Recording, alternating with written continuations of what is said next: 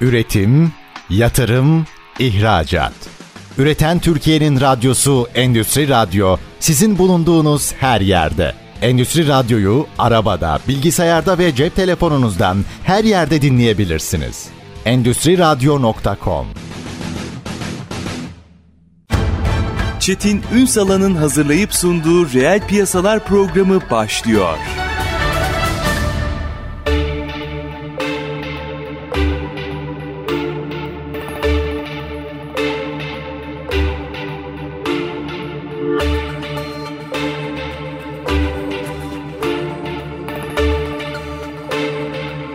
Reel piyasalardan merhabalar. Türkiye'nin gerçek gündeminde birlikteyiz efendim.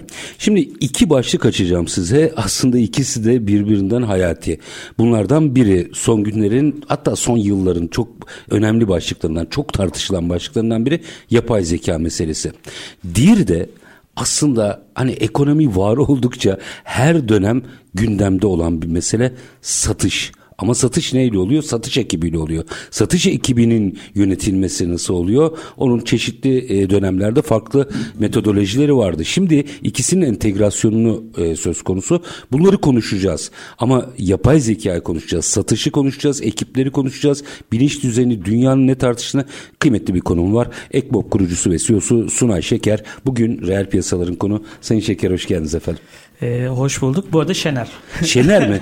Ee, o zaman benim notlarımda e, yanlış. Olsun. Sonay Şener bizlerle birlikte. Onu da hemen düzeltmiş olayım. Kusura bakmayın. Estağfurullah olur mu? Ne demek? Çok teşekkür ediyorum orada davetiniz için. Estağfurullah ben teşekkür ederim. Biraz bilgilerinizi sömüreceğiz. Ee, inşallah. Şimdi e, geleceğim. Bu entegrasyona geleceğim ama e, hazır sizi bulmuşken son dönemin en çok tartışılan konusu.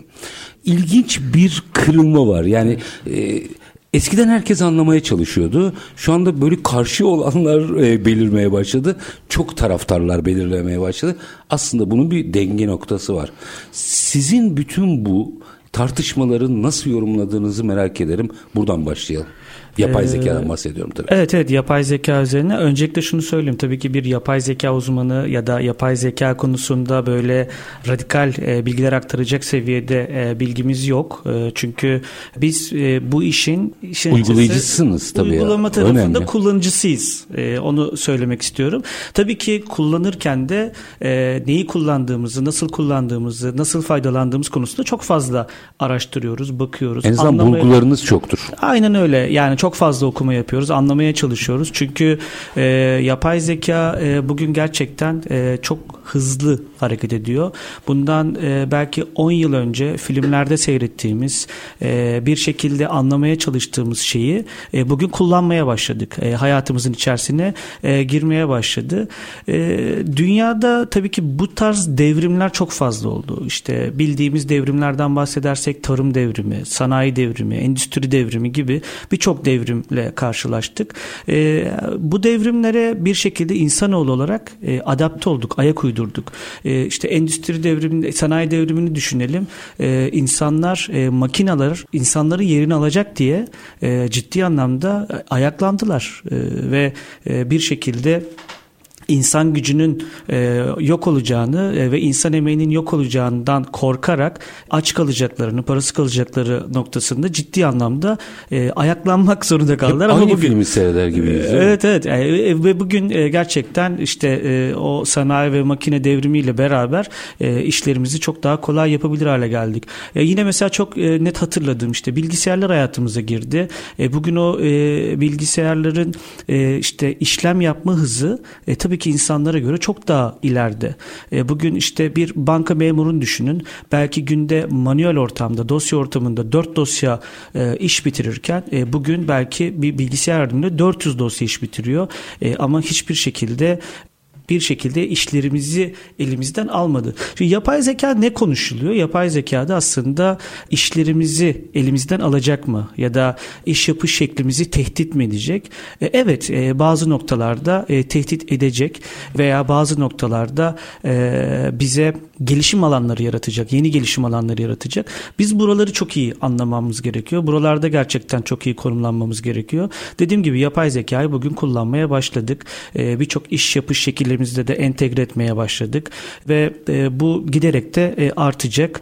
E, ama bunu bir tehlike olarak değil, e, bunu tamamıyla iş modellerimize, iş yapış şekillerimize nasıl entegre edeceğiz? Bunlardan nasıl faydalanacağız? Bunun üzerine e, adapte olmamız gerekiyor. Yani bu teknolojiyi aslında kullanmak gerekiyor. Biz teknolojiye teslim olacakmışız gibi davranıyoruz. Sanıyorum sınır orası. Yani işte Abaküs'ten de hesap makinesine geçtiğimizde hesap makinesi bizim yerimize sadece hesap yaptı. Bütün projeksiyonu yine insan yaptı. Burada biraz daha hızlı, biraz daha akıllı ama bu sadece kullanılacak bir teknoloji olduğunu nasıl anlatacağız? Çünkü çok verimlilik var ve bunu kaçırmamamız gerekiyor. Kesinlikle aynı fikirdeyim. Ee, şu anda e, yapay zekayı bu kadar anlamlı bir şekilde konuşabiliyorsak aslında arka taraftaki veri yani çok ciddi bir veri var. E, gün sonunda biz bu veriye nasıl ulaşıyoruz şu anda? İşte arama e, motorlarına istediğimiz konu hakkında e, bir keyword giriyoruz ve o keyword karşısında bazı sonuçlar geliyor. Bu sonuçları yine biz arka tarafta içerisine girip gene kendi kişisel ön e, yargılarımız ya da bilgi birikimimizle beraber anlamlandırarak o bilgiden e, bir anlam çıkartmaya çalışıyoruz. Şimdi yapay zeka bunu şunu yapmaya başladı. Siz ona bir şey sorduğunuzda o size bu konu hakkında cevap veriyor. Cevap vermekle kalmıyor. Aslında sizin bilgi birikim durumunuza göre de bunu tekrar yorumluyor. Mesela işte İngilizce öğreneceksiniz. Şunu diyebiliyorsunuz.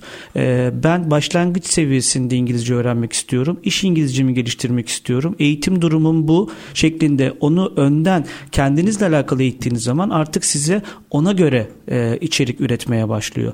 E, yapay zeka tabii ki bir taraftan öğrenir bir sistem. Yani işte bu insanoğlundaki bulunan sinir sistem ağları gibi aynı şekilde kendi içinde öğrenebilirlik potansiyeli barındıran bir algoritma algoritmadan bahsediyoruz ve e, ona neyi öğretirseniz aslında sizin için çok daha anlamlı içerikler, çok daha güzel içerikler üretmeye başlıyor. Bunu yaklaşık 10 yıl önce e, üniversitede verdiğim eğitimlerde de anlatıyordum. Önümüzdeki dönemde mesela web ekonomisi kalkacak. E, bu ne demek? Biz az önce de bahsettiğim gibi browser'dan kullandığımız birçok içerik aslında bugün daha düne kadar işte Siri, Alexa gibi daha didaktik e, konuşmalar. İşte mesela bugün Siri'ye işte bana bugünkü takvimlerimi göster. işte bana bugünkü takvimlerime göre işte yol planı çıkart gibi didaktik e, sorulara cevap alırken aslında artık yavaş yavaş ona soru sorup kendimizle alakalı bilgileri de çok rahat bir şekilde alabiliyor durumda olacağız.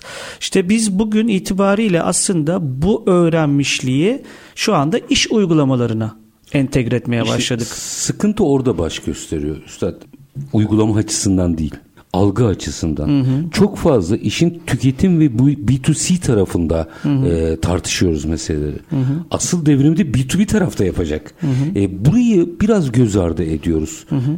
Uygulamada çalışanlar sizleri yani bu konuyla ilgili mal ya da hizmet üretenleri bir hı hı. kenara atıyorum. Hı hı. Bu işten faydalanacaklar açısından. Hı hı. Oradaki bilinci nasıl geliştireceğiz? Çünkü asıl verimlilik orada. Kesinlikle katılıyorum. Ee, şu anda yapay zekanın iş e, süreçleri üzerinde ciddi anlamda araştırmalar yapılmaya başlandı. Bizim de bir e, podcast'imiz var. Orada yakın zamanda e, Ussal Şahbaz'ı ağırlamıştık. E, kendisinin bu konuda bir araştırma üzerinden verdiği bir örnek var. Onu da sizlere aktarmak istiyorum. Mesela bir çağrı merkezi özelinde e, yapay zeka kullanımı başlatılıyor ve ondan sonra sonuçlar incelenmeye başlıyor. Tabii ki sonuçları farklı boyutlarda inceliyorlar. Oradaki en enteresan sonuçlardan bir tanesi şu oluyor satış yani çağrı merkezinden satış yapan e, ekiplerde daha yolun başında hani daha ne diyelim çömez ya da e, çırak, çırak e, noktasındaki e, kişiler yapay zekadan daha, daha çok faydalanıyorlar ve gerçekten e, satış noktasında inanılmaz bir verimlilik bir artış gözlemleniyor. Ama usta daha kendini profesyonel olarak konumlandıran kişilerse e, zaten hani o algıyla, o güvenle hatta belki egoyla ben zaten bu işi biliyorum. E, benim yardımcı bir araca veya yapay zeka ihtiyacım yok dediği noktada onların satışları aynı oranda kalıyor. Yani ortaya şöyle Çok bir sonuç çıkıyor. Bir daha giriş seviyesindeki bir satıcıyla usta seviyesindeki bir satıcının arasındaki o farkı yapay zeka bir şekilde kapatıyor. Ama Ama mesela burada Onu iyi şey kullanıyorlar. sıkıntısı var üstad. O ustanın entegre olmamasına belki o entegre olsa, Olsa tabii tabii. yine o Aynen. fark açıldı. Aynen öyle. Çok güzel bir örnek bu. Ee, bunu hatta şöyle de örnek de verebilirim. Şimdi yapay zeka ile böyle ilk sınavlar e, aslında e, yakın tarihte işte biliyorsunuz satranç işte hani IBM'in e, meşhur makinenin ismini unuttum ama Kasparov'a karşı olan bir imtihanı var. Var. Ama sonrasında biliyorsunuz bu Korelilerin Go diye bir oyunu var ve e, aslında bir mantığı da yok oyunun. Yani e, satranç gibi işte hamlelerle vesaire değil. İşte bu AlphaGo şirketi e, Google'ın da satın aldığı yapay zekayı öğretiyorlar. Yani oyunu e, izleyerek öğretiyorlar ve Güney Kore'de böyle 6 dan olan bir e, oyuncu işte diyorlar ki sen yapay zeka Alfa'nın yapay zekalı oyunuyla oynayacaksın. Bunun Netflix'te çok da güzel bir belgeseli var ve orada aynı az önce verdiğim o satış mesleğindeki tecrübeli kullanıcılar gibi diyor ki beni yenmesi imkansız. Ee, mümkün değil. Ee, Sonuç? sonuç gerçekten yani hüsran 5-0 ee, ve yenemiyor Ee, ve orada da yani işte evet yani e, yapay zeka benden daha iyiymiş e, demek zorunda e, kalıyor. O yüzden e, burada gerçekten ona karşı e, durmak yerine işte az önce de sizin bahsettiğiniz gibi mevcut iş modellerimizden nasıl faydalanabiliriz konusunu ben çok önemsiyorum. Diğer taraftan bugün birçok teknolojiyi kullanabilirlik noktasında inanılmaz basitleştirdi yapay zeka. Yani düne, Ulaşılabilir kıldı. düne kadar e, böyle çok e, pahalı yazılımlar, çok pahalı e, arka tarafında patentli algoritmaları e, biz şu anda çok basit seviyede entegre edebiliyoruz. Mesela bir örnek vereceğim sadece. Marka ismine girmeden lütfen. Yok yok e, marka ismi evet oraya dikkat edeceğim. Mesela şöyle bir örnek vereyim size. Mesela bizim gibi satış uygulamalarında kart vizit okutmak önemlidir. İşte siz cep telefonunuzla bir kart vizit okutursunuz ve oradaki bilgileri alıp Alırsınız. e, işte CRM sisteminize veya satış uygulamanıza kaydedersiniz. Burada OCR dediğimiz teknolojiler var ve bunlar gerçekten pahalı e, ve %100 de çalışan teknolojiler değil. E, yani gün sonunda %70, %80 size verimlilikle e, dönüş yapabiliyorlar. E, biz mesela geçenlerde işte yapay zeka üzerinden bu entegrasyonu yaptık. Ya bırakın kartvizit okumayı biz door to door dediğimiz sektörlerde de hizmet veriyoruz. Bu hunter ekipleri dediğimiz işte sahada kapı çalan tabela fotoğrafı çekiyorsunuz. Size işte hemen telefonunu işte şirketin adına göre kartınızı oluşturabiliyor. Yani neyin fotoğrafını çektiğinizin bir önemi yok. E çünkü şöyle geçen bunu bana sordular ya bu nasıl oluyor? E dedim ki çok basit. Bugün işte 5 yaşındaki bir çocuğa işte bir tabelayı gösterdiğiniz zaman ya büyük ihtimalle o tabelayla alakalı yorumları çok kısıtlı kalacaktır. Yani işte mesela biz bugün rengine baktığımız zaman bile şeyi anlayabiliriz. Yani burası evet yani ya da işte e, hani bu bir markadır. İşte altında işte powered by bilmem ne yazıyorsa ha bu bir Gıdacı distribütördür falan anlıyoruz, gibi tabii. algılayabiliyoruz. Niye? Çünkü pratiğimiz var, bilgi birikimimiz var. Yapay zeka da öyle. Yapay zeka da bunları zaten zamanında öğrendiği için aslında oraya baktığı zaman e, şeyi anlıyor. Bir bütünsellik olarak diyor ki bu bir tabeladır, bu bir marka ismidir, bu distribütördür, bu telefon numarasıdır deyip bunu anlıyor. Onlardan ilişkisel bir çözüm işte rakamlar varsa bu bir telefon numarasıdır demiyor. Aslında bunu bir bütün olarak anlayıp çok hızlı bir şekilde e, size bunun sonuçlarını daha verimli bir şekilde dönebilmenizi sağlıyor. Aslında insan olarak da e, hep yıllardır tartıştığımız zeka mı, analitik zeka mı tartışmasının çok güzel bir sağlaması yapay zeka. Yapay zeka bizim analitik zeka eksikliğimizi ortaya koydu. E, ama bundan eğer faydalanabilirsek analitik zekayı işlerimize e, adapte edebileceğiz. Direnmeden anlamaya çalışmak gerekiyor. Peki burayı birazcık daha açacağım ama minik bir araya gideceğim. Tabii. Aranın ardından açacağım burayı. Tamamdır. E, sahada nasıl kullanılabilir bu? Biraz örneklerini açmak istiyorum. Ekmo kurucusu ve CEO'su Sunay Şener bizlerle birlikte. Kısa bir ara aranın ardından reel piyasalar devam edecek. Lütfen bizden ayrılmayın. Üretim, yatırım, ihracat. Üreten Türkiye'nin radyosu Endüstri Radyo sizin bulunduğunuz her yerde. Endüstri Radyo'yu arabada, bilgisayarda ve cep telefonunuzdan her yerde dinleyebilirsiniz. Endüstriradyo.com Kısa bir aranın ardından reel piyasalarda tekrar sizlerle birlikteyiz. Konuğumuz Ekmop kurucusu ve CEO'su Sunay Şeker.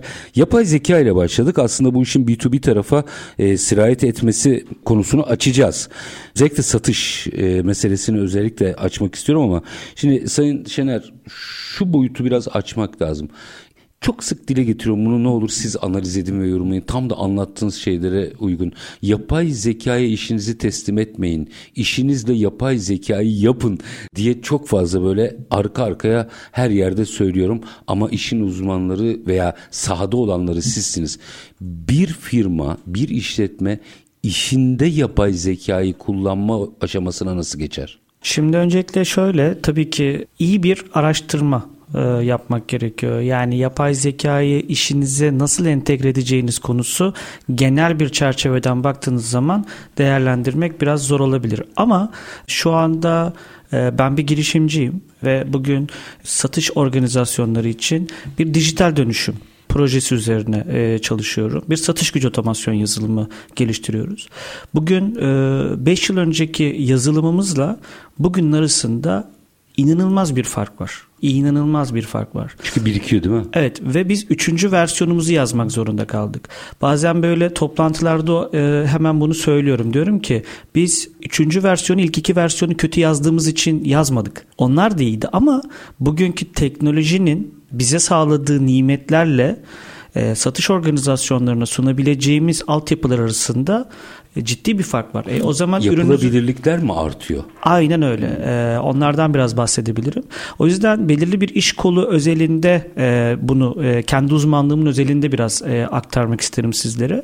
E, bugün e, bir girişimci olarak e, bir e, girişim fikri sahibi olarak nereden baksanız her gün onun üzerinde yapay zeka üzerinde geliştirilmiş bir iş fikri modeli görüyorum. Ee, ve bu modeller inanın gitgide artıyor. İşte az önce çağrı merkez örneğinden verdik ama bugün sizin adınıza mail yazan, sizin adınıza mail cevaplayan veya sizin adınıza potansiyel lead bulan böyle e, yapay zeka araçları var.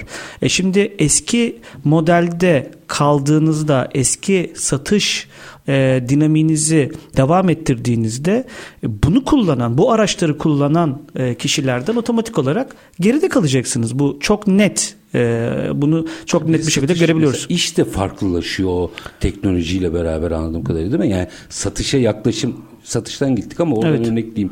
Satışa yaklaşım da farklılaşıyor çünkü alternatif bir sürü hizmetler çıkabilmeye başladı. Aynen öyle. Ee, burada işte sizin bunu nasıl kullanacağınızla alakalı. Yani bu iş fikriniz olabilir, iş modeliniz olabilir.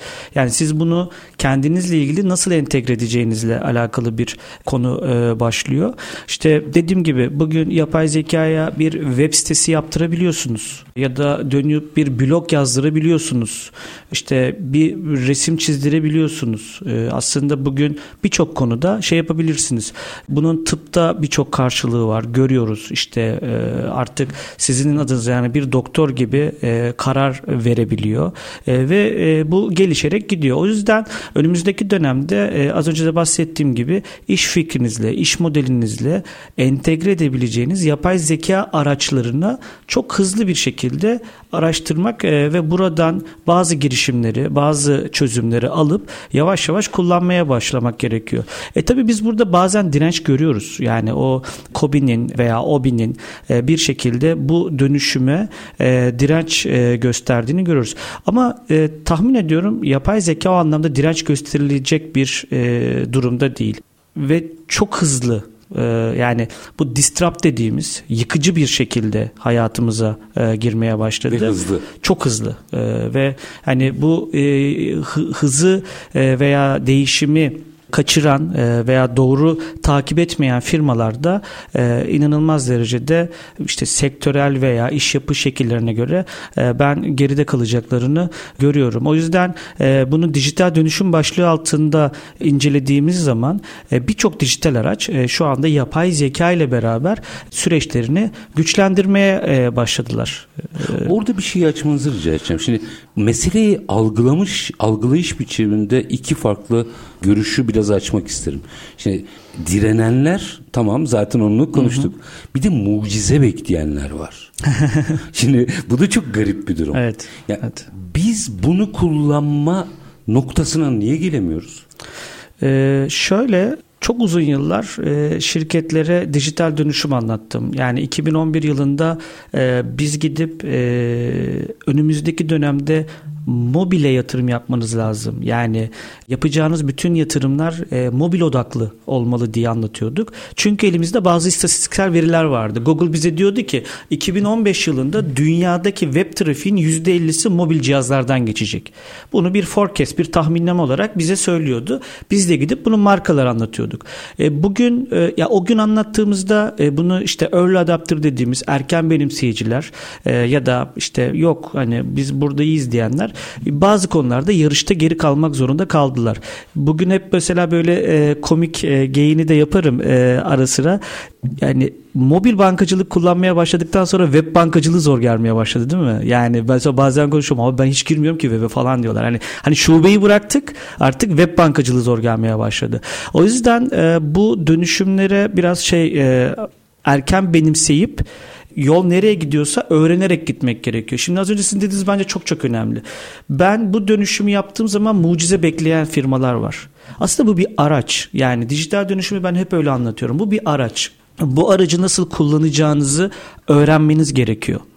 Yani siz bu aracı kullanmayı öğrenmeden ondan bir mucize bekleyemezsiniz. Yani, yani dijital olgunluk seviyesinden bahsediyorsunuz. Kesinlikle. Aslında. O yüzden ben yapay zekada da aynı şeyi söylüyorum. Yani yapay zekayı bugün işte şu anda bizi izleyen bütün dinleyiciler ChatGPT'nin web sitesine girip şu anda kullanmaya başlayabilirler. Ama ona soracağınız sorular bile karşı tarafı öğretebilir sorular olmalı. Yani mesela bugün bir örnek vereyim. Bir SDR'sınız işte Sales Development Representative dediğimiz işte telefon araması yaparak müşterilerinize ulaşmaya çalışıyorsunuz. Yapay zeka tarafında şöyle bir çözüm sunabiliyor dijital dönüşüm araçları ve bizler. İşte siz LinkedIn'e giriyorum ben sizin LinkedIn'inize. E, LinkedIn hesabınızı inceliyorum. Ben incelemiyorum. Orada yapay bir tane zeka. yapay zeka inceliyor ve ben yapay zeka daha öncesinden hangi ürünü sattığımı, kime sattığımı, kimi hedeflediğimi, ne kadara sattığımı bunların hepsini ona öğretiyorum. Sonra size sizin hesabınızı inceleyerek benim ağzımdan özelleştirilmiş bir mail yazıyor. Şimdi bu maili belki ilk seferde doğru yazmıyor. Sonra diyorsunuz ki bak buraları böyle yap. İki, Siz öğretiyorsunuz. Aynen öyle. 2, 3, 5. artık 6. 7. 10. mailden sonra sistem artık tamamıyla sizin adınıza yani aynı sizin e, duygu durumun analiziniz şeklinde bunları yazmaya başlıyor. E, o yüzden hani bu tarz araçları şirketler yakın zamanda alıp kullanmaya başlamalı anlamaya çalışmalı, öğrenmeye çalışmalı e, ve kullandıkça aslında nerelerde gelişim alanları olduğunu görmeye e, başlayacaklar. E, o yüzden mucize beklememek tamamıyla buna adapte olacak bir şekilde kendimizi dizayn etmemiz e, gerekiyor. E, benim aslında burada COBİ'lere söyleyeceğim en önemli konu bu. Çok hoş bir örnek verdiniz. Buradan biraz açmak isterim. Hı hı. Şimdi bu bahsettiğiniz mailleşme aslında teşbih hata olmazmış. Oynanabilir bir futbol sahası yaratıyor.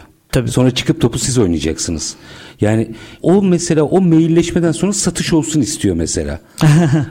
Halbuki o ilk ilişkinin doğru kurulmasını sağlıyor mesela yapay zeka. Sonra yine insanın o performansıyla kendi bilgi birikimiyle orada olacak. İşte mesela mucize bekleyenler orada. E ben e, mailleştim yapay zeka üzerinden. E tamam. Sonuç yok. Bu olmaması lazım değil mi? Evet. Olgunluk seviyesi bu galiba. Kesinlikle katılıyorum. Ee, bizim yaptığımız e, yatırımlarla beklediğimiz sonuçların arasında maalesef e, sabrımız e, veya beklentimiz aynı oranda değil. Hayatın sırrını istiyoruz hemen. Evet yani biz de mesela bugün Ekmop olarak şirketlere gidip satış gücü otomasyonu noktasında bir yazılım verdiğimizde şunu söylüyoruz. Diyoruz ki bu uygulama size 6 ay sonra bir şeyleri söyleyebilir. Niye? E, çünkü bir verinin birikmesi gerekiyor orada. Bir şeyleri yani sistemin bir şeyleri analiz edebilir hale gelmesi gerekiyor ki biz Ondan sonra size satış süreçlerinizde nasıl daha iyi e, yönlendirmeler yapabiliriz noktasında geri bildirim vermeye başlayabiliyoruz. Ama onun öncesinde ben daha birinci gün bunu aldım, kullanmaya başladım. Haydi satışlarım artsın gibi şeyler e, oluşabiliyor. Burayı Bu... minik açar mısınız? Çok kritik bir yere e, den vurdunuz. Aşağı yukarı tahmin ettim siz gittiğinizde. Hı hı. Fena tanımam reel sektörü. E, siz bir iyileştirmeden ve sağlıklı bir süreç yönetiminden bahsediyorsunuz. Muhtemelen karşınızdaki e benim satışlar ne zaman artacak diyor. Hı hı. Anlaşmazlık burada galiba. Yani bir sürecin iyileştirilmesi ve verimli olmasından e, sonucu odaklı bakış açısından e, kurtararak onu tartışmamız gerekiyor. Yani o zaman işte ham maddeyi getirdim ürün olarak çıksına döner iş. Hı hı hı. Bu seviye yani daha doğrusu bu bakış açısını nasıl geliştireceğiz? Valla çok teşekkür ediyorum bu sorunuz için. Ee, biz inanın tamamıyla şirket olarak bunun üzerine odaklanmış e, bir şirketiz. Sonuç odaklı değil süreç odaklı şirketlerin yönetilmesi e, noktasındayız. Biz sonuca baktığımız zaman e, aslında doğru bir noktaya bakmıyoruz sonuç bize doğru bir şey söylemiyor. Ben bunu böyle futbol maçlarından çok hoşuma gidiyor. İşte gün sonunda bir maç 1-0 bitti ama çok kötü oynadınız ya da işte hani UEFA kupasını kazandınız ama bir kere kazanabildiniz. Bir daha kazanamadınız. Sürdürülebilirliği. Neyi iyi yaparsanız işte ikinci, üçüncü, beşinci defa kazanabilirdiniz. Yani şimdi orada bir sonuç var. Evet bir başarı var e, ama sürdürülebilir değil. E, o zaman otomatik olarak e, sizin o süreci iyi değerlendirmeniz lazım. Biz de satış konusunda aslında yani biz de satış ekiplerimizden şunu bekliyoruz. Daha fazla satış yapsınlar. Daha fazla müşteri kazansınlar. Daha fazla müşteri memnuniyeti elde etsinler. Biz bunu bekliyoruz ama sonuç olarak şuna bakıyoruz. İşte verdiğimiz hedef tuttu mu tutmadı mı? Ya bu hedef niye tuttu? Niye tutmadı? ilgilenmiyoruz. Ha? Evet niye tutmadı? Ya da tutarken neyi iyi yaptık? Ya da tutmadıysa neyi daha iyi yapabilirdik? Konularına çok fazla odaklanmıyoruz, odaklanamıyoruz. İşte burada da e, maalesef e, gelişim alanlarını e, ıskalıyoruz. Şöyle bir şey söyleyeyim. Forbes'in yaptığı bir araştırma var. 700 küsür tane satış yöneticisiyle yaptığı bir araştırma bu. Satış ekiplerinin e, zamanının %65'ini satış ve ciro getirmeyen işlere harcıyorlar. Pardon bir daha söyleyebilir Satış ekipleri Müthiş. zamanının %65'ini satış ve ciro getirmeyen işlere harcıyorlar. Ama burada daha enteresan bir parantez açayım. Bu satış ekibinin yetkinsizliği veya yetersizliğinden kaynaklanmıyor.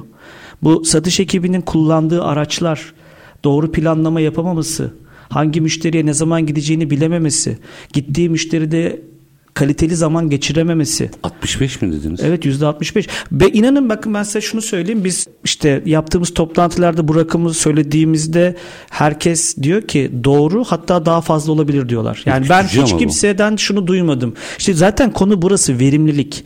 Yani burada biz verimli miyiz konusu zaten. Bu bu arada bence sadece satış için değil. Bütün iş süreçlerimizin tamamında bunu sorgulamamız gerekiyor.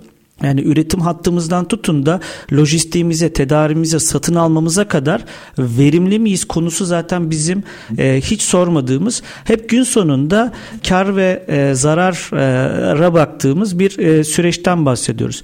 E şimdi bu zamanımızın %65'ini bu kadar verimsiz harcıyorsak e, bizim bunları bir şekilde sistematik hale getirmemiz lazım. Şimdi bir bakıyoruz e, satış organizasyonlarında genelde şunu görüyoruz. WhatsApp, mail, telefon, Excel, ERP, B2B, CRM yani o yığının içerisinde işte veriler arıyoruz, veriler girmeye çalışıyoruz. Bunları birbirleriyle konsolide etmeye çalışıyoruz. Raporlar çıkartmaya çalışıyoruz.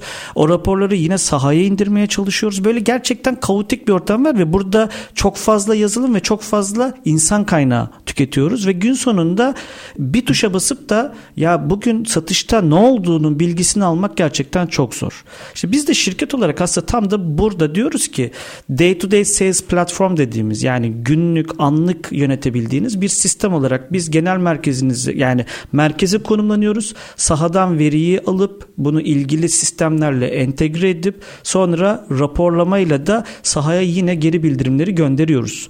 E, bu da 360 derece bir yönetim sağlıyor. Bunu biraz da yapay zeka ile de nasıl şekillendirdik onu anlatacağım. Aç, açalım çünkü evet. çok ürkütücü bir şey 165. Yani aslında bir şeylerin sağlamasını yapıyor. Yani dünyada işte dört gün çalışma ve verimin artması vesaire gibi bir takım sağlamaları var aslında bunun. İşe konsantrasyon veya planlamayla alakalı sanıyorum. Evet. Şimdi yapay zeka burada hayatımıza ne giriyor?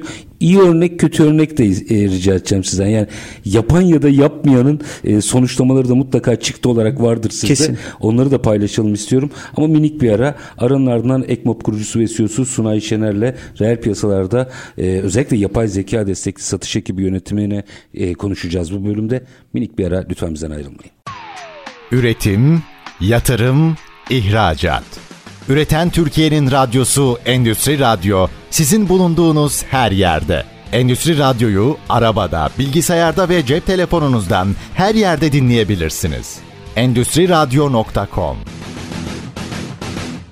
Kısa bir aranın ardından reel piyasalarda tekrar sizlerle birlikteyiz. Ekmop kurucusu ve CEO'su Sunay Şener'le birlikte aslında yapay zeka ile başladık. Yapay zeka destekli iş modellemelerine şöyle bir baktık. Şimdi satışa e, geleceğiz. Çok enteresan bir e, oran paylaştınız. %65 gibi aslında belki de çok rahatlıkla e, bir yazılımla vesaire halledilebilecek bir işin büyük bir performans kaybına neden olduğundan bahsettiniz. Bunu biraz açalım. Doğrusu ne? Oradaki iyileştirme nasıl sağlanıyor? Sınırları ne? Bunu da merak ederim. Yani ne kadara kadar yapay zeka devrede bir dakika burada insan eli lazım. Mutlaka böyle stopları vardır sizin e, çalışmanızda. Hatta bunu iyi uygulayan ve uygulamayanın sonuçlarını da merak ederim açıkçası. Tabii e, hem örneklerden de verelim. E, çalıştığımız şirketlerde yarattığımız verimlilik, neyi iyileştiriyoruz, neyi görünür hale getiriyoruz onlardan biraz bahsedebilirim. Ama öncesinde yapay zeka nereye kadar giriyor, nerede artık insan ihtiyacımız var konusu bence çok önemli. Belki yapay zekayı konuşurken de en çok konuşmamız gereken konulardan bir tanesi yapay zeka neyi yapamıyor? Çok güzel soru. Kimse ee, bunu sormuyor. E, aslında e, yapay zekanın e, yapamadığı e, belli başlı şeylerden bir tanesi güven. Karşı tarafa güven. Şimdi satış, satış ilişkisi aslında ikili ilişkiyle ve güvenle kurulan bir ilişki. Yani insani sizin, bir ilişki aslında. Aynen öyle. İnsani bir ilişki. E, o yüzden yapılan araştırmalarda yapay zekayı tehdit eden veya yapay zeka ile iş yapış şekli değişen veya bir şekilde buraya bırakacak bütün e, süreci yapay zeka bunu yapabilecek e, denilen mesleklerde en az tehdit altında olan meslek satış mesleği ve içinde de aslında güven var. Yani bizim bir şekilde o güveni karşı tarafa iyi bir şekilde aktarıyor olmamız gerekiyor. E, bize nerede yardımcı oluyor? Tabii ki o güven ilişkisini kurma noktasında doğru argüman toplamada. Evet bravo. Yani siz e, çok güzel tamamladınız. Kesinlikle e, ben artık sizi çok daha iyi tanıyabilir hale geliyorum. Sizi çok daha iyi kişiselleştirebiliyorum e, gibi konularda bize muazzam derecede yardımcı oluyor. Bizim uygulamalardan şöyle aslında hani dinleyenler için de böyle birazcık şey olur. Daha kavramlar anlaşılabilir hale gelebilir. Şimdi şöyle düşünün. Size sigorta poliçesi satmak istiyorum. Ee, ve e, gün sonunda e, bu poliçeyi satarken de sizinle birkaç görüşme yaptım ve sizin hakkınızda birkaç da bilgi topladım. Hı hı. Şimdi bununla beraber e, size e, bir teklif hazırlamam e, gerekiyor. Şimdi bu teklifi hazırladığımda e, bu teklifin karar vericisi siz ve eşiniz mi? İşte eşinizle beraber aslında eşinizden mi onay alıyorsunuz? İşte çocuklarınız var mı? İşte burada sizin için işte önemli olan kriterler neler gibi birçok konuyu aslında yapay zeka uygulamasıyla biz arka tarafta bunları satıcıya söyleyebiliyoruz. Ve diyoruz ki bu satışı bu personaya, bu kişiye yaparken e, bu cümleleri kullan. Yani, ee, yani o role play dediğimiz e, belirleyici olan çocuk, belirleyici olan eş ya da e, beyefendinin şöyle bir beklentisi var. Bu verileri mi veriyor? Aynen öyle. Aslında bunu yaparken de arka tarafta başarılı kapanmış birçok satışın da verisini inceleyip o satış kapanırken hangi argümanları kullandık, nasıl kullandık gibi konularını anlayıp aslında satıcıya doğru geri bildirimi e, biz çok rahat bir şekilde verebiliyoruz. E, bu da tamamıyla yapay zeka aracılığıyla. Bunun dışında bizim B2B müşterilerimiz var. İşte mesela bayinizi ziyaret ediyorsunuz ve çok fazla ziyaret ediyorsunuz. Genelde bayiye gitmeden önce bir toplantıya hazırlanmanız lazım değil mi? Hı-hı. Yani ya biz bununla geçenlerde ne konuşmuştuk? Ben buna ne söz vermiştim? İşte benden ne istemişti? Neden neye şikayet kızmıştı? etmişti? Aynen öyle. Neye kızmıştı gibi. Çünkü gün sonunda bir ilişki yönetimi yapıyorsunuz karşı tarafla. Ee, ve bunun işte geçmiş aktivitelerine bakmanız gerekiyor. Müşteriyle alakalı bütün ticari e, süreçlerini bilmeniz gerekiyor. Finansal süreçlerini bilmeniz gerekiyor. Ama şimdi az önce bu bahsettiğimiz o %65'lik dilimin içerisinde bir şey bahsetmiştim size. Biz müşteride kaliteli zaman geçiremiyoruz. Şimdi bu kaliteli zaman geçirme aslında müşteriye girmeden önce ya ben bu adamla ne konuşacağım? konusu e, oluyor. İçeri girdiğinde patinaj yapıyor. Zaman e, işte evet orada da işte genelde bizim gördüğümüz işte güncel güncel konular işte evet. bu bazen futbol olabiliyor. Farklı konulara girilebiliyor gibi konular oluyor. İşte biz burada mesela yapay zeka ile aslında arka tarafta bizim orada bir tane butonumuz var. Beni toplantıya hazırla. Bayağı cümlesi de böyle. Beni toplantıya hazırla dediğinizde biz arka tarafta müşteriyle geçmişte ne konuşuldu, hangi sözler verildi, hangi konulardan şikayet etmişti vesaire gibi onu bir özet veriyoruz. O özeti okuyup ha diyor ki tamam bana bunu soracak şöyle yapacağım böyle yapacağım. Aslında hani İngilizce tabiriyle kendini müşteriye onboard ediyor. Kendini hazırlıyor. müşteriye hazırlıyor. Ee, bir de arka taraftan yine ERP'den veriler çekiyoruz. Ee, işte hangi malların işte satışında azalma var. İşte finansal riski var mı? İşte DBS limiti bitiyor mu? Gibi böyle birçok konuyu da ona söylüyoruz. Vade As- açacak mıyım açmayacak mıyım karar veriyorum. Aynen öyle ve buraya bir girdiğinde aslında hiçbir şekilde yöneticisiyle vesaire işte ne bileyim muhasebi arayayım, cari ekstresi göndersin, işte şunu alayım, e, ya müşterinin şu şikayeti çöz bunların hiçbiriyle uğraşmadan aslında orada biz bunu çok rahat bir şekilde yapabiliyoruz. Şimdi yeni bir özelliğimiz çıktı. Bu biz çok hevesliyiz bu özellikten. Aynı şu anda sizinle yaptığım görüşmeyi mesela e, genelde satış ekipleri müşteri ziyaretleri sonrasında CRM dediğimiz oralara böyle e, notları girmeyi çok sevmezler. Angarya gelir. Bu arada gerçekten de Angarya. Yani bunu maalesef şirketler bilmiyor. Bakın ben size bir veri daha vereyim. Salesforce'un kurucusu Mark Benioff diyor ki dünyadaki CRM yatırımlarının %50'si raf yazılımı diyor. Plazacım. Ne demek bu? Ee, biz CRM yatırımını şirketler yapıyor ve kullanmıyorlar. Yani rafa kaldırıyor. Kullanamıyor. Çünkü pratik değil.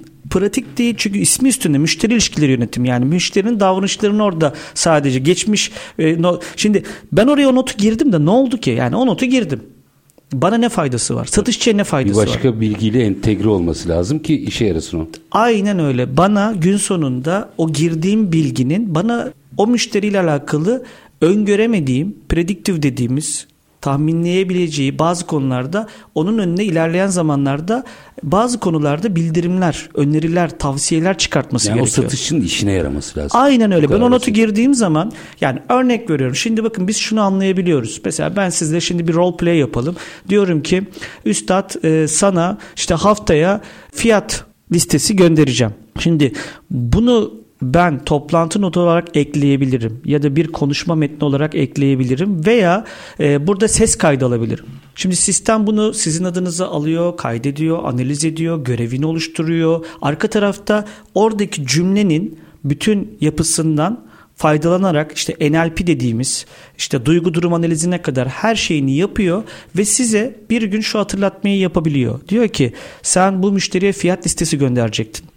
Yani ister asistan deyin, ister ameliyeyi üzerinizden alıyor İsterseniz deyin. değil, direkt asistan. Direkt asistan. Direkt asistan. Yani o not defteriniz, sizin sağ tarafta duran o not defteriniz artık sizin için düşünen, sizin için analiz yapan, sizin için karar alan, sizi yönlendiren bir asistan haline gelmeye başlıyor. Şimdi siz bu kadar güçlü bir asistanla bunu kullanmayan bir asistanı nasıl dışarıda diğer satışçılarla rekabet edebilirsiniz ki? Aslında statüsüne bakmadan şeyine, konumuna herkese bir sekreter verdiniz düşün. Kesin, bu aslında. Kesinlikle öyle. Kesinlikle öyle. O yüzden satıcı artık buraya veri girmekte daha iştahlı oluyor. Daha istekli oluyor. Niye? Çünkü ben buraya bir şey girdiğimde benim için İşime yarayacak. bana bir yönlendirmede bulunuyor. Satış yapacağım, prim alacağım, işime yarayacak. Aynen öyle. E, diğer taraftan az önce şunu bahsetmiştim size. Web ekonomisi gidiyor artık konuşarak bir dünya başlıyor. Şimdi bu uygulamamızda çok yok ama önümüzdeki dönemdeki en büyük yatırımlarımızdan bir tanesi bu olacak. Bir gün bir satış toplantısında çok e, hiç unutmuyorum şey demişti. E, yine böyle Kobi segmentinde bir şirket patronu ya demişti ki Sunay ben ne istiyorlarsa dijital tarafta alıyorum. B2B alıyorum, ERP alıyorum, BI alıyorum, her şeyi alıyorum. Ama dedi şunu fark ettim dedi. Satış ekipleri dedi bu veriden nasıl faydalanacaklarını bilmiyorlar. Kırılma anında orası zaten. Ee, bunu dedi çözemiyorum dedi. Bu mesela benim için çok enteresan bir şeydi. Çünkü ben bunu yapay zeka ile nasıl çözüleceğini biliyorum. Özellikle bu az önce bahsettiğimiz konuşarak. Şimdi şunu çok rahat yapabiliriz artık. Son bir aydır kaybettiğim fırsatların bana sebeplerini söyler misin dediğinizde sistem bunu size söyleyecek. Ya da işte şu anda bulunduğum lokasyonda yakınımda e, son bir aydır ziyaret etmediğim firmaları getirir misin? Bunlar artık böyle konuşarak bayağı işte az önce de bahsettiğimiz gibi sekreter, asistan gibi konuşarak ben bu bilgilerin tamamına ulaşabiliyor olacağım. Ama bu bilgiye nasıl ulaşacağım? Biriktirdiğim için. Evet, aynen öyle. Bu bilgiyi biriktirirsem. Şimdi peki bu bilgi bu kadar birikti. Bu kadar artık şey yapıyor. Bundan kim faydalanacak? Aslında şirketler, şirketlerin genel merkezleri. Mesela biz şirketlerde... Toplam bir müşteri yönetimi çıkacak oradan. Evet şirketlerde mesela biz satış müdürlerini satış müdüründen beklediğimiz satış ekibini yönetmesi. Ama şu yönetim tarzından bahsetmiyoruz. Buraya gittim mi, şunu aldım mı vesaire.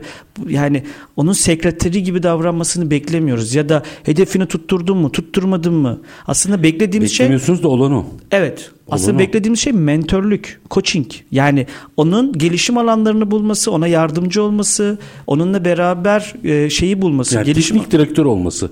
Kalkıp Bravo. forvet, kaleci. Bizim satış sunumunda teknik direktör var biliyor musunuz? Öyle? Var. İlk, ilk satış Yani sunumunda te- yani. teknik Siz direktör var. bir şeyleri yapmışsınız ve çocuklar sahaya çıkmış ve oynuyorlar. Evet, Siz aslında- her seferinde futbol şeyin forvetin yerine gidip kaleciye gidip bu yaşanan bu. Evet aslında şöyle işte e, gün sonunda bir satış müdürüne de ya da yöneticisine de gün sonunda bir özet rapor gönderiyoruz. Diyoruz ki bugün sahada en çok bu konular konuşuldu. Bu konulardan şikayet edildi, fiyatlardan şikayet edildi vesaire gibi. Aslında bir özet tablo gönderiyoruz. Ve ondan sonrasında da bunu deep dive etmek istiyorsa detayına girmek istiyorsa da e, çok rahat bir şekilde detayına girebiliyor. O yüzden satış ekibinde hani anomali diyoruz biz onlara. Yani nerelerde e, sorunlar var e, bunları artık görmeye başlıyor. Bu az önce %65'lik rakam dedim ya bu satış yöneticileri için de %50.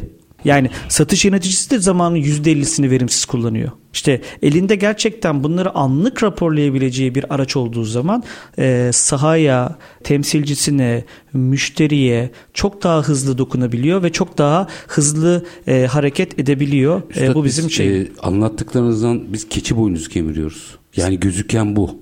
E, bizim bu, bu işi her dakikasını verimli hale getirmemiz gerekiyor. Hatta fazla kalırsa da herkesin oturup birlikte kahve içmesini sağlamamız gerekiyor. Sürem bitti ama şunun yanıtını almadan bitirirsem içimde kalır. Lütfen isim vermeyin. İyi alıp da uygulayan yani metodolojiden bahsediyorum günün sonunda. Bunu benimseyenlerde yüzde kaçlık bir iyileşme oluyor? 65'i baz alırsak. Tabii tabii hemen söyleyebilirim. Biz bu arada e, iki e, iş dalında şirketlere hizmet veriyoruz. Yani bir B2B dediğimiz FMCG dışında yani sıcak satış dışındaki bütün sektörlere hizmet veriyoruz. Bir de door to door dediğimiz daha çok e, işte banka, finans, sigorta gibi sözleşme satan hunter dediğimiz ekiplere hizmet veriyoruz. E, ve iki satış organizasyonda da odaklandığımız konu verimlilik. Ee, ve burada dört tane ana KPI'yi iyileştirmeye çalışıyoruz. Bunlardan bir tanesi az önce de bahsettiğimiz gibi zamanı verimli kullanması. Ve e, biz burada haftada minimum bir gün ayda 4 ila 8 iş gününü save ettiriyoruz. Yani zaman olarak. Bu bizim şu anda halihazırda mevcut müşterilerimizden de elde ettiğimiz e, verilerdir. Doğru planlama, doğru raporlama, müşteriye daha fazla zaman ayırma, müşteride daha hızlı e, ziyaret yapıp gün içerisinde daha fazla müşteriye dokunma, e, gün içerisinde canlı trafik verisiyle doğru rotada ziyaret edebilme gibi arka tarafta sadece onun gününü daha e, hızlı, yoğun e, geçirebilmesini sağladığımız bir altyapımız var. Diğer taraftan tabii ki uyum yani her dijital dönüşümde gördüğümüz e, bu dönüşüme bir direnç oluşabiliyor. Ekmob'un e, buradaki en önemli şeyi kullanıcı deneyimi ve bu mobil asistanlık deneyimi. O yüzden şirketlere gittiğimizde %85 ile 90 arasında adaptasyon yakalıyoruz. Bakın bunu az önce söylemiştim. Şirketler CRM yatırımlarını %50'sini çöpe atıyorlar. Bizde %90'lık bir adaptasyon e, bu anlamda ve biz tamamıyla bir mobil uygulamayız ve o anlamda da e, şey sağlayabiliyoruz. Bunun dışında e, satış aktivitelerinde %25'lik bir artış e, olduğunu e, gözlemliyoruz. Bu çerçevede baktığınız zaman verimlilik noktasında e, ciddi şey yapıyoruz. Son olarak da şunu söyleyeyim. Az önce bu konuştuğumuz veriyi alma, sağdan veri toplama hikayesi. Sonuç itibariyle biz sadece satış yapmıyoruz. Bunun dışında pazar analizi, rakip analizi yani rakiplerimiz ne yapıyor? O pazarda gelişim alanı var mı? Müşterimiz ile ilgili son durum bilgilerine gibi böyle çok önemli bilgileri ihtiyacımız olabiliyor. Çünkü buradan da strateji geliştiriyoruz. Burada da sahadan veri alma noktasında %50 gibi datayın alınmasında %50 gibi veri yapıyoruz. Ve bunlar bize totalde işte yapay zeka ile ve arka tarafta karar destek sistemleriyle hem yöneticilerin hem şirketlerin çok daha hızlı karar almalarını sağlayacak e, altyapılar olarak konumlandırabiliyoruz.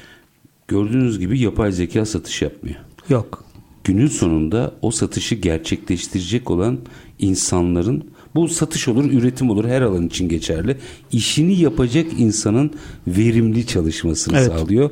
Tabii tüm bunların ötesinde stres de olmadığı için ortamda da ekstra bir verimlilik. Çünkü yani şirketlerin o kendi içindeki o özellikle satış bölümlerindeki gereksiz stres evet. zaten satışı Çok. düşüren bir e, faktör. Çok keyifliydi. Ekmok kurucusu ve CEO'su Sunay Şener çok teşekkür ediyorum efendim. Ben çok teşekkür ediyorum. Umarım dinleyenler de keyif almışlardır. Ee, ufak da olsa bir katkımız olmuştur. Estağfurullah var olunuz. Çok çok teşekkür ediyorum.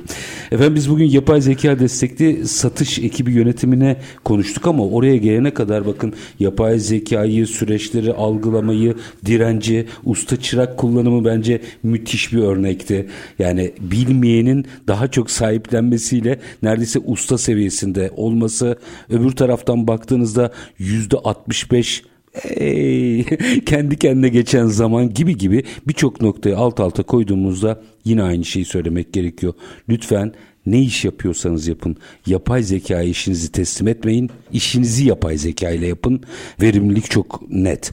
Biz her zamanki bitirelim. Şartlar ne olursa olsun paranızı ticarete, üretime yatırmaktan, işinizi layıkıyla yapmaktan ama en önemlisi vatandaş olup hakkınızı aramaktan vazgeçmeyin. Hoşçakalın efendim.